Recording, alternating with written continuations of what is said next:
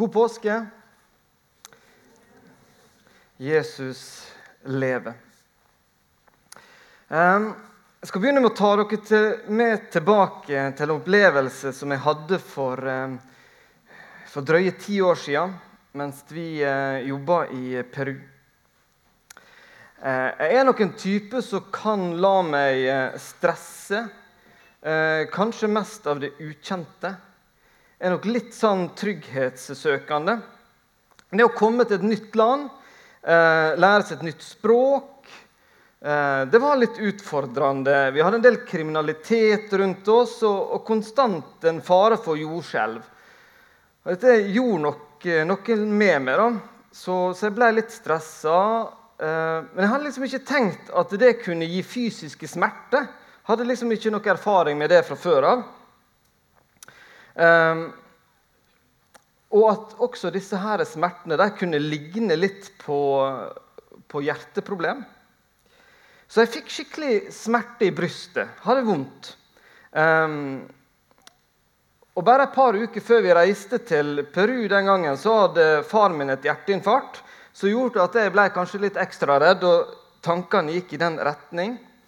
Um, så var jeg hjemme en kveld alene da jeg kanskje kjente dette her sterkest.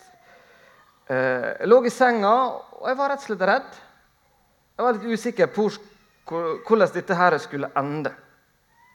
De som har peiling på sånne smerter, de kan kanskje smile litt med tanken og skjønne at dette ikke var så veldig alvorlig.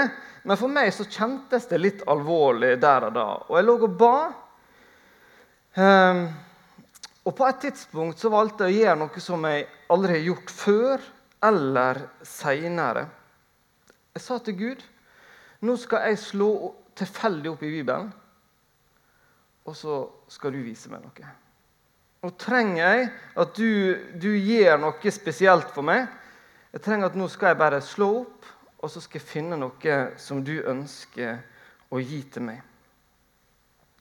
Jeg slo vilkårlig opp i Bibelen og havna eh, i Salmos ordspråk 3. Og det var, liksom, det var ikke sånn at jeg kikka rundt på sida. Jeg var pang på ett vers. Da hadde jeg en uh, Norsk Bibel 88-utgave, og det øynene mine traff da, det var det her. For tallrike dager og mange leveår skal det gi deg, og fred og lykke. Det var veldig deilig. Det var det jeg trengte. Det var den eh, beskjeden jeg trengte fra Gud den kvelden. Det ga meg en veldig ro, og jeg sovna ganske fort etterpå. Og så er spørsmålet var dette en tilfeldighet.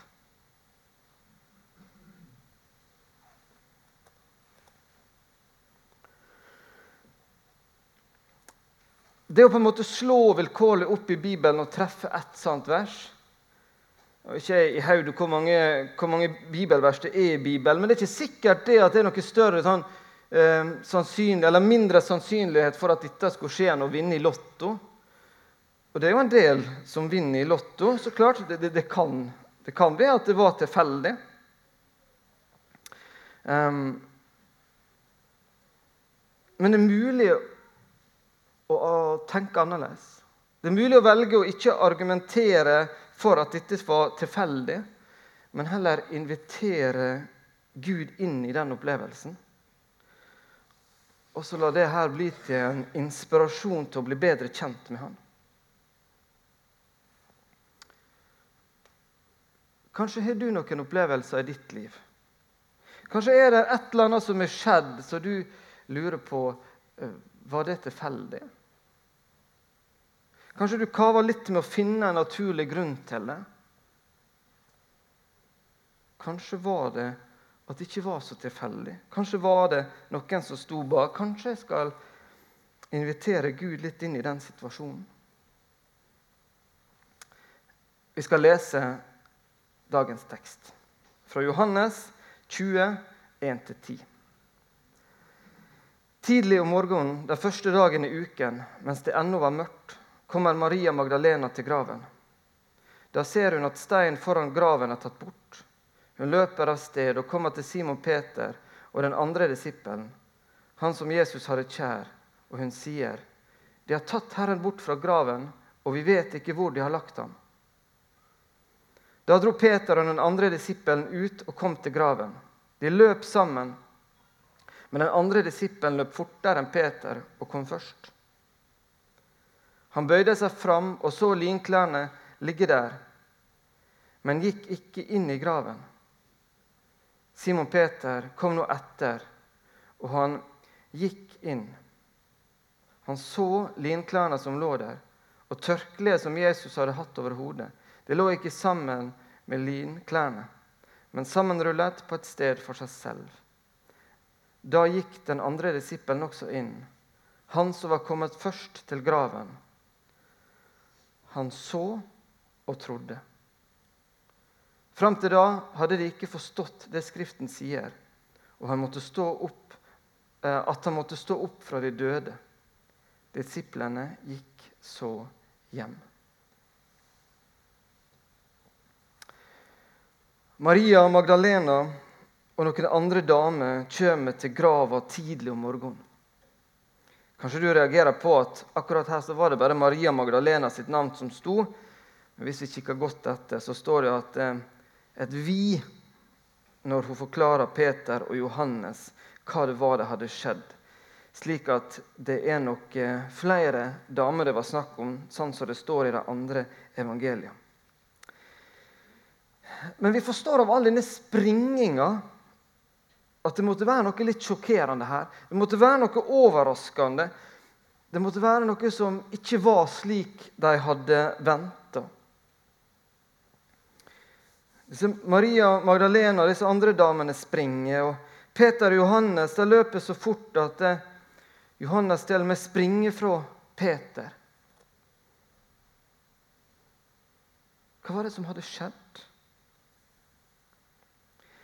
Og Når vi denne påska har teksten fra Johannes-evangeliet, så er det altså et øyenvitne som forteller til oss.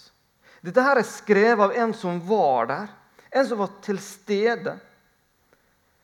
Det er skrevet av en som sto der og møtte disse damene som kom sjokkerende tilbake fra grava. Det er skrevet av en som sprang ifra Peter på vei til grava, så sto der, stoppa utafor, kikka inn. Så står der og betrakter dette linkledet en stund aleine. Denne teksten her, det er Johannes sitt vitnesbyrd til oss. Jesus forteller oss det han så da han kom til grava denne morgenen. Han trodde først ikke gå inn, men han ser dette her linkledet ligge der. Ser ut som bare noen er forsvunnet ut av det. Så dette tørkleet som Jesus hadde hatt over hodet, som var sammenrulla og lå der. Peter er tydeligvis en eh, litt mer handlingens mann. Han bare braser inn. Um, mens Johannes står der mer og tenker over denne situasjonen. Så er det så utrolig viktig, disse ordene som står i vers 8. Slutten av vers 8. Han så og trodde. For fram til dette tidspunktet så hadde de altså ikke forstått. Det sto jo der i teksten at de hadde lest Skriftene. De hadde ikke forstått det. De hadde gått rundt med Jesus der i disse åra. På slutten så hadde han sagt flere ganger hva som skulle skje. Hva som han hadde i vente.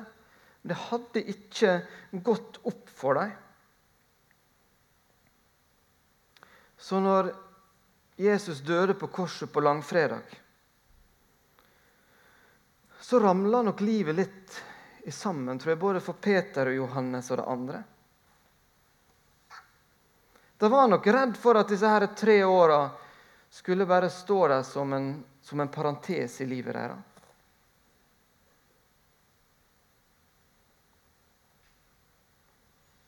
Hva skulle de gjøre nå? Men så er det disse fire ordene her fra Johannes som plutselig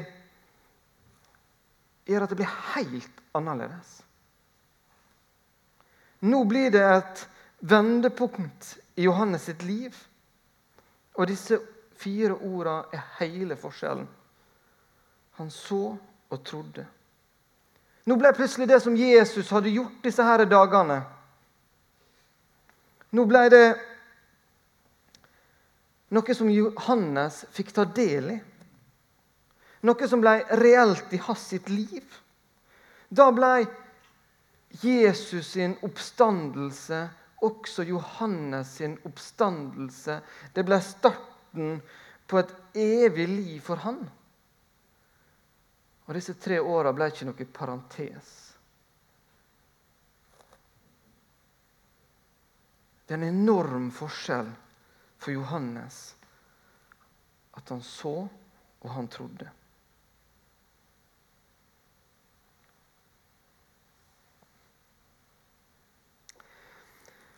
For omtrent eh, en måned siden så talte Asbjørn Kvalbein her i misjonssalen på en søndag. Han gikk gjennom teksten fra Johannes 11 sånn ganske systematisk.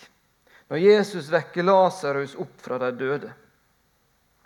Og Ifølge Johannes så var det det siste tegnet eller underet som Jesus gjorde før han sjøl vant over døden. Det er litt eh, fint å se disse to historiene i sammenheng. Og legge merke til spørsmåla som Jesus stilte til Martha på vei til Betania den gangen. For kanskje var det litt overraskende at eh, det er Maria Magdalena og disse andre damene som er de som var først i grava og får lov til å se at Jesus ikke var der. Dette var ei tid der at damer ikke fikk lov til å vitne i en rettssak. Det var ikke gyldig, deres vitnemål. Men når dette skjer, som er det viktigste som er skjedd i menneskets historie, så var det disse damene som skulle få lov til å vitne om det. Og Jeg syns det er også litt fint å se at når Jesus kommer til Betania, skal vekke opp Lasarus, så har vi kanskje med oss i bakhodet når Jesus er og besøker Martha og Maria, og han kanskje kritiserer litt Martha, for hun er så opptatt av det praktiske.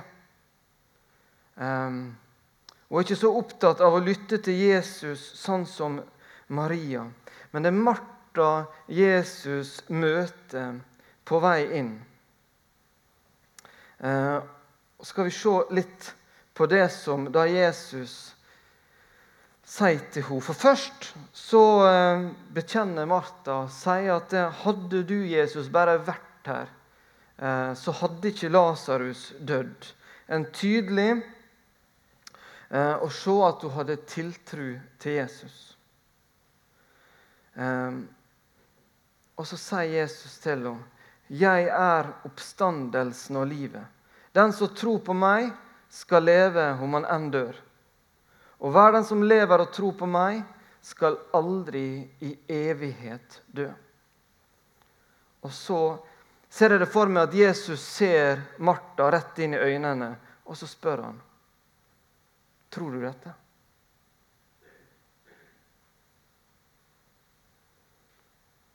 Og så svarer Martha, 'Jeg tror at du er Messias, Guds sønn, han som skal komme til verden.' Hun trodde.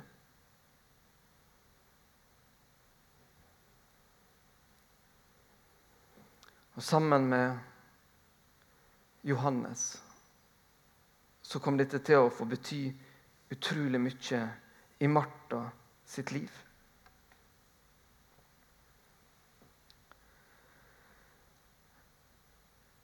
Vi har mange bevis på at Bibelen stemmer. Vi får stadig nye bevis. Jeg finner stadig noe som kan på en måte overbevise oss om at det, eh, denne historien som Bibelen forteller, den stemmer med virkeligheten. Men uansett hvor mange bevis vi skulle finne, så er det noen ord som må legges til. Og det er disse ordene fra Martha og fra Johannes. Jeg tror at du er Messias, Guds sønn, han som, skulle, han som skal komme til verden. At vi velger å gjøre det til vårt.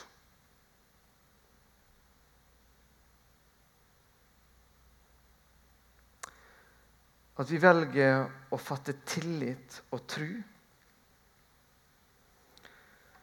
At dette kan bli liv for oss også. Faktisk et evig liv. Og dette som skjedde på påskemorgen Jeg vil si at det er det viktigste som har skjedd i vår historie. Men det var en ting som gjorde at dette måtte skje, som jeg har lyst også å peke litt på i dag. Det som skjedde i Edens hage en god stund tidligere. For der skjedde det noe som er interessant å se på når det gjelder dette med å fatte tillit og ha tro til. Ehm, for etter at ehm, mennesker er skapt, satt i hagen til å forvalte det Gud er skapt, så sier, Jesus, sier Gud noe til dem. Du må gjerne spise av alle trærne i hagen, men av treet til kunnskap om godt og ondt må du ikke spise. For den dagen du spiser av det, skal du dø. Gud gir mennesker en enorm frihet i disse ordene her. Av alt det han har skapt. Dette var ikke en liten plenflekk i et eller annet tett bebygd boligstrøk. Alt som var i den hagen, kunne mennesker nyte kose seg med, bare digge alt som han hadde skapt, så var det én liten ting. Det var, jeg tenkte at eh, Vi kan se for oss som vi som bor her på Sunnmøre, hadde fått beskjed nyt alt det her eh, som jeg har skapt for dere her. Og så er det sånn at opp med Bigtonvatnet på Emlemsfjellet, der er, der er det ett tre. Det treet der, det er giftig. Hold dere unna det. Da, da, hadde ikke vi opplevd Gud som veldig begrensende. Vi hadde sett på en Gud som ga oss stor frihet, stor mulighet. Men så, hva er det djevelen gjør like etterpå?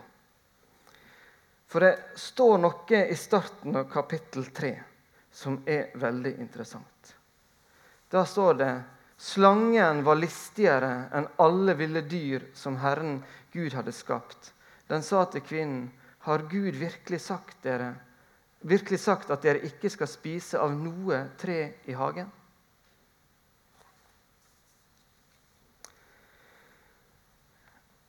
Skal jeg være helt ærlig med dere, så ble jeg faktisk litt flau.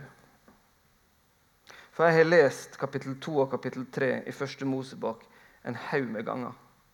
Jeg er blitt undervist om det her. Jeg har undervist om det. Um, men det er bare en drøy uke siden jeg la merke til forskjellen i disse to versene der. Ser dere det at Gud gir på en måte at det ene treet gir den enorme muligheten? Når djevelen kommer og snakker med Eva, så, så sier ikke han det. Er det sånn at Gud har sagt at dere ikke skal spise av det ene treet. Sånn har jeg lest det her, uten å ha lagt merke til det. Men det som står der, djevelen sier, er det sånn at dere ikke kan spise av noe av det her?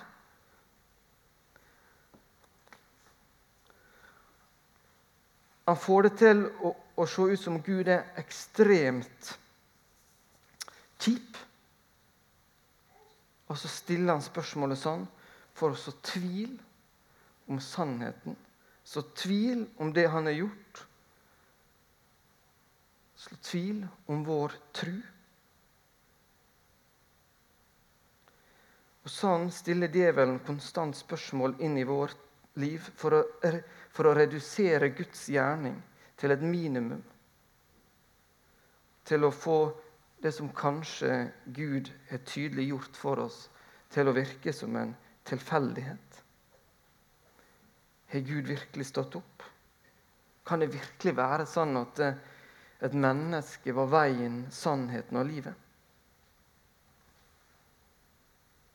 Og jeg har stilt det spørsmålet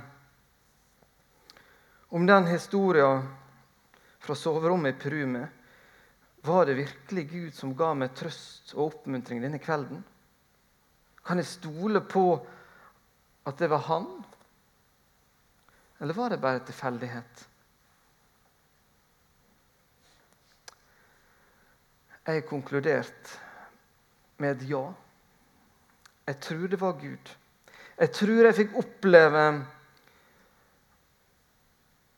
litt himmel på jord den kvelden. Jeg ønsker ikke å bortforklare det, men jeg ønsker å invitere Jesus inn i det som skjedde der.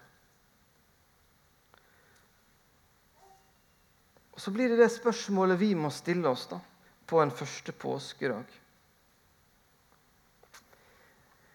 Hva gjør vi med det her? Hva gjør vi med den teksten som vi har lest i dag? Hva gjør vi med påskeevangeliet? Også etter at gudstjenesten i dag er ferdig. Johannes han observerte. Han tenkte seg godt om. Brukte all den kunnskapen han hadde opparbeida seg disse åra og Jeg har lyst til å på en måte invitere deg med. Prøv å se for deg at du står der nå, kikker inn i grava, ser dette linkledet som ligger der. Hva syns du er lettest å gjøre da? Er det lettest å bortforklare det? Tenke at dette her kan ikke stemme? Tenker at noen er støkket av med ham. Eller vil, eller vil vi si at det var Guds lam som bærer all verdens synd, som soner den straffen som egentlig tilhørte deg og meg, var det han som lå der og nå er stått opp?